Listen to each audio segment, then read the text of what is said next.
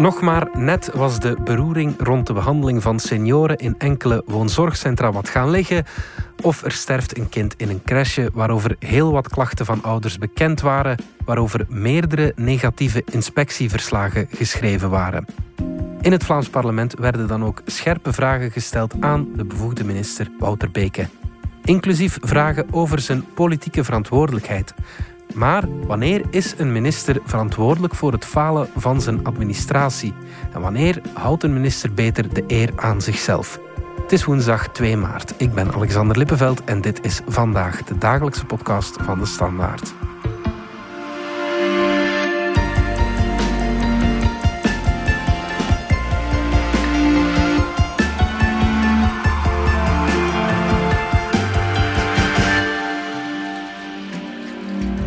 Er waren talloze klachten over fysieke mishandeling, over kindjes die vastgebonden werden, die ruw behandeld werden, die werden verwaarloosd.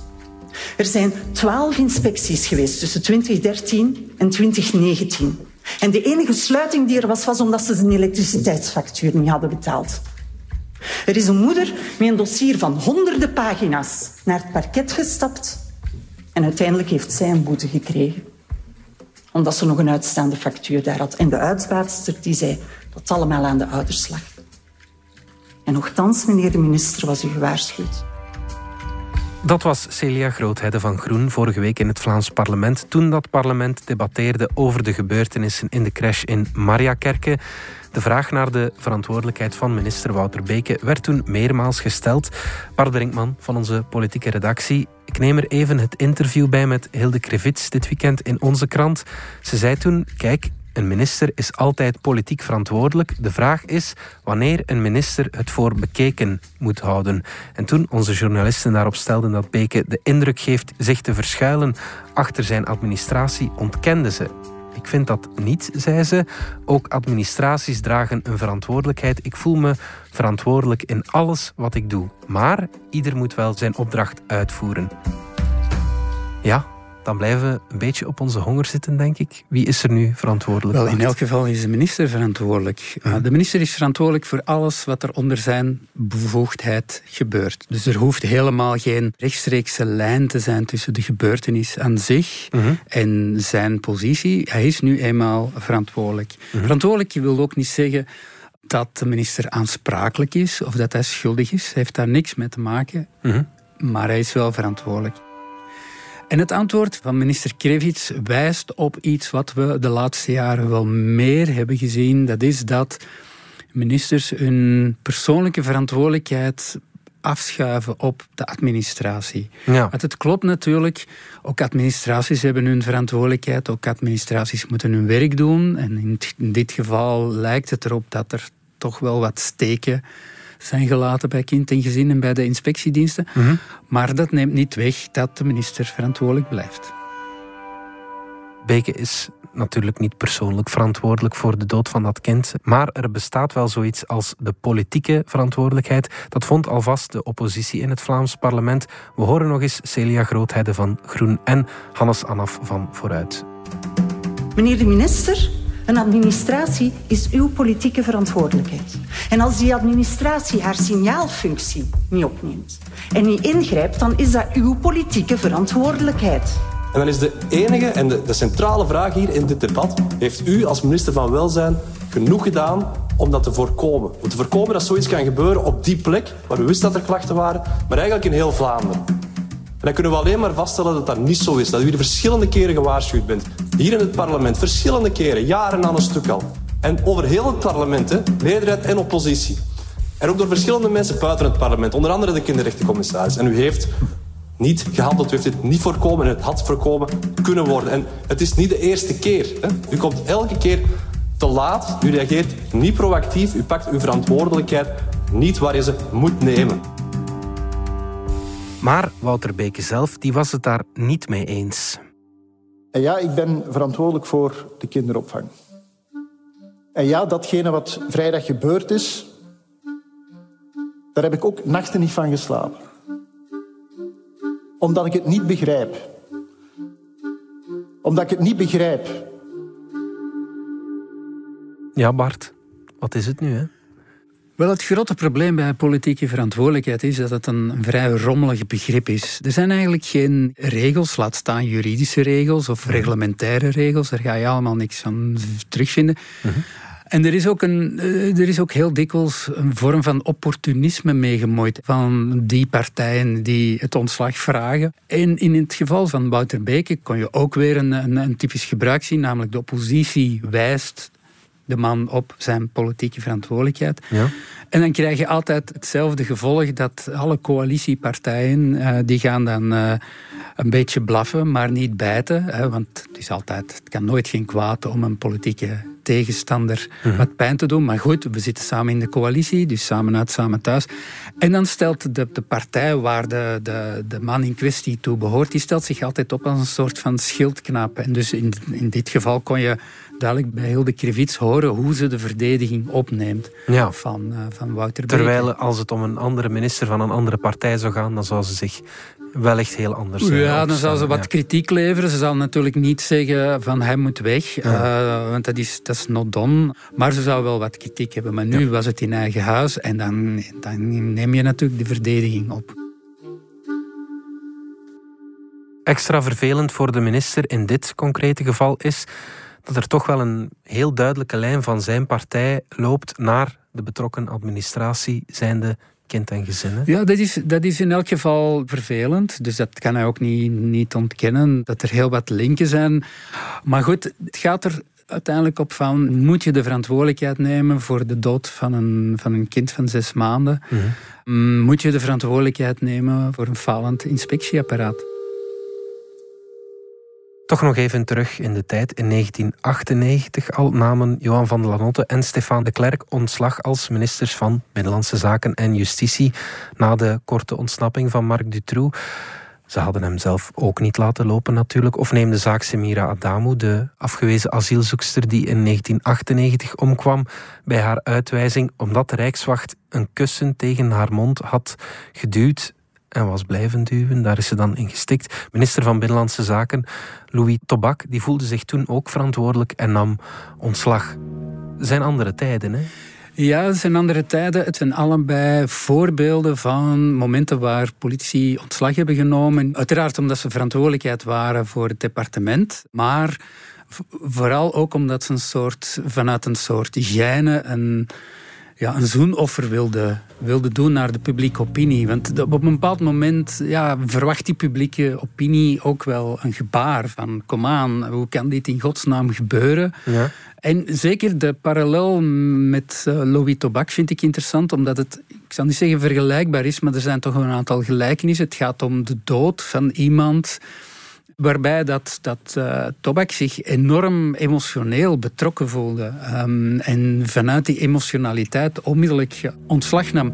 Ik was op die persconferentie van, van Louis Tobak waar hij ontslag nam. En dat was, een, dat was heel aangrijpend. En op een bepaald moment zei Tobak: Men kan mij geen pijn doen met een ontslag. Met andere woorden, hij was daar al overheen. Ja. Dus omdat soms denken mensen: ja, ontslag is toch erg. Je valt in een zwart gat. Eh, je weet niet goed wat doen. En, en veel vijven en zessen. Zelfs dat was bij Tobak niet meer het geval. Hmm. Dus hij was hij, hij, vond het zelf ook logisch dat hij. Hij vond het niet alleen logisch, maar hij was er eh, emotioneel zodanig door aangedaan dat hij vond dat hij als minister ook niet meer kon functioneren. En dan, dan ja, dan vertrok hij onmiddellijk. Hij heeft toen ook nauwelijks zijn partijgenoten uh, geraadpleegd. Hij heeft gewoon naar toenmalig premier Jean-Luc Dehane gebeld om te zeggen: Jean-Luc, ben weg. Oké, ja. Is Beke dan minder emotioneel betrokken dan uh, Tobak? Wel, het is in ieder geval een verwijt dat, dat ook Hilde Krivits maakt. Dat mhm. hij namelijk die emotionele betrokkenheid te weinig toont. Dat hij zeer rationeel uh,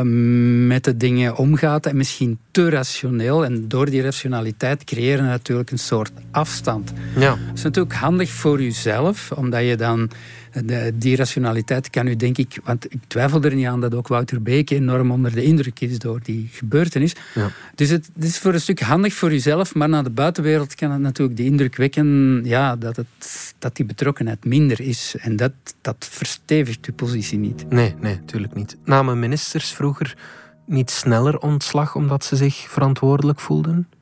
Eerlijk gezegd denk ik van wel. Ik denk de dag van vandaag wordt er toch steeds makkelijker ja, gewezen naar administraties of kabinetten of informatie die ze niet hadden. Dus men probeert zich daarachter te verschuilen. Bij een eventueel ontslag zijn er drie belangrijke factoren. Ten mhm. eerste, wat vindt de regeringsleider ervan? Ten tweede, wat vindt de partijleider ervan? En ten derde, wat vindt de politicus zelf ervan? Oké. Daarmee wil ik zeggen, je het belang van een regeringsleider bij een ontslag mag niet worden onderschat. Ook het belang van een partijleider mag niet worden onderschat. Mhm. Dus een regeringsleider, als hij het vertrouwen verliest in een minister, dan, dan kan die minister het meestal schudden. Als hij geen vertrouwen meer heeft in een minister van de eigen partij, ja, dan vliegt hij onmiddellijk. Ja. Maar als hij geen vertrouwen heeft in een minister van de andere partij, wordt het lastig. Want dan komt de tweede factor, en dat is de partijleider. Als de partijleider absoluut wil dat de minister in kwestie blijft zitten, ja, dan mag die regeringsleider op zijn kop gaan staan. Want als hij dan doordrijft, ja, dan ligt heel zijn kabinet er. Ja. En daarvan is een interessant voorbeeld eh, een paar jaar geleden met uh, Theo Franken. Die had, mm, laten we zeggen, ongelukkig, om niet te zeggen leugenachtig, gecommuniceerd over vluchtelingen, politieke vluchtelingen vanuit Soudaan. En daar is hij regelrecht in aanvaring gekomen met, met uh, Charles Michel. Mhm. Michel vond dat, uh, dat Franke hem had voorgelogen. Uh, trouwens ook toenmalig uh, voorzitter, CD&V-voorzitter Wouter Beken, vond dat Franke toch met zijn geloofwaardigheid een beetje... Ja, uh, dat hij zijn geloofwaardigheid een beetje had, had geforceerd, laat ik het zo zeggen. Ja. Maar goed, Bart Wever stelde onmiddellijk van Theo Frank moet blijven. Ja. En dus, dus bleef hij gewoon zitten. Dus het is nu eenmaal zo dat wanneer de partijleider vindt dat de minister in kwestie moet blijven en ook de regeringsleider vindt dat de minister in kwestie moet of mag blijven, ja, dat het dan heel uh, onwaarschijnlijk is dat iemand toch nog opstapt. Want dan heb je de derde factor en dat is hoe de persoon in kwestie er zelf tegen aankijkt. En dan met Tobak hebben we een heel interessant voorbeeld. Als de persoon in kwestie zelf vindt dat hij niet kan aanblijven, ja, dan, dan is hij weg. Maar Beke heeft, heeft duidelijk nog de indruk dat hij wel kan aanblijven. Er is nog een uh, berucht voorbeeld. Eigenlijk is het geen voorbeeld. Het ontslag van Mark IJskes dat er nooit gekomen is, begin jaren negentig. Ja, dat is een uh, traditioneel voorbeeld. Dat is, uh, dat is echt een legendarisch ook. dat is een eikpunt in de geschiedenis geworden. Ging over een, uh, een Palestijnse terrorist die op de Brusselse Grote Markt rondliep, uh, daar door de politie van de straat werd geplukt en bleek over een mhm. visum te beschikken. Oké. Okay. Uh, Mark Eskes was toen minister van Buitenlandse Zaken, dus het was natuurlijk heel pijnlijk van hoe komt die man aan een visum, et cetera, et cetera. En Eskes vond er toen niet beter op dan de schuld volledig bij zijn kabinet te steken. Een aantal kabinetsleden hebben daarvoor ook ontslag genomen. En Eskes zei nadien in de Volkskrant... ja, ministeriële verantwoordelijkheid, ik wil wel... maar ja, moest ik nu in Groot-Brittannië minister zijn? Ja, ik was natuurlijk al lang weg geweest. Maar België is een apenland en daar neem je geen ontslag. En dus het heeft natuurlijk voor een onwaarschijnlijke rel gezorgd... omdat uh, Eskes, die de steun bleef krijgen van de regeringsleider was toen Wilfried Martens van zijn eigen partij, CD&V. Ja, die bleef gewoon zitten. Ja. En dus dat is, in die zin is dat een eikpunt geworden, omdat één, eh, ja, bij de eh, daaropvolgende verkiezingen in 1991 heeft IJskes heel zwaar slaag gekregen in zijn kieskring. Hij is nooit nog minister geworden. Maar twee, je merkt wel in de jaren negentig, tot, ik zou zelfs zeggen tot bijna eind jaren 2000, hè, met het ontslag van, van Yves Leterme en Jo van Deurzen naar aanleiding van de hele Fortis-saga, heb ik toch de indruk dat men sneller ontslag nam. Ehm, er zijn een, een heel lijstje van voorbeelden van ministers die aan cours de route om, om allerlei redenen ontslag hebben genomen. Mhm. De laatste tien jaar, vijf à tien jaar, kunnen we dat toch veel moeilijker zeggen. De personen die er ook heel erg dichtbij kwamen een aantal jaar geleden, in 2016, waren Koen Geens en Jan Jambon, toen als minister van Justitie en Binnenlandse Zaken in de federale regering na de aanslagen in Brussel. Er was immers gebleken dat een van de daders, Ibrahim El Bakrawi, eerder door Turkije was opgepakt, op een vliegtuig was gezet naar Nederland en dat niemand hier maatregelen nam tegen de gezochte terrorist. Het was ook een zaak die heel het land op zijn kop zette. Jan Bon en Geens wilden toen eerst wel opstappen, maar uiteindelijk deden ze het niet. Hè? Er is een bepaald moment geweest dat, ze, dat Jan Jambon wilde opstappen en Koen Geens in de slipstream ook. Maar dit is dan teruggedraaid omdat mm, ja, ook daar eigenlijk zowel de, de regeringsleider als de partijen, in dit geval NVA en CD&V, eigenlijk helemaal niet wilden dat die twee ministers Omdat opstapten. ze too big to fail waren? Well, too big to fail is misschien wat overdreven, maar ik denk dat, dat men dat in een emotionele opwelling wilde doen, maar dat niemand daar zat op te wachten. En, en ja, je moet ook opletten. Een ontslag kan ook geïnterpreteerd worden als vaandelsvlucht. En ik denk dat dat er toen ook mee te maken had.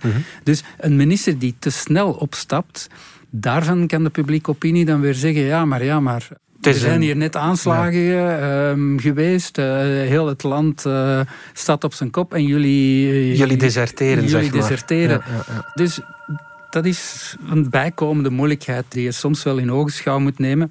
Ja. Namelijk dat het moment er soms niet naar is om te vertrekken. We gaan er heel even uit voor een fijne mededeling. Podcasts zijn hot. This is En nu ook live.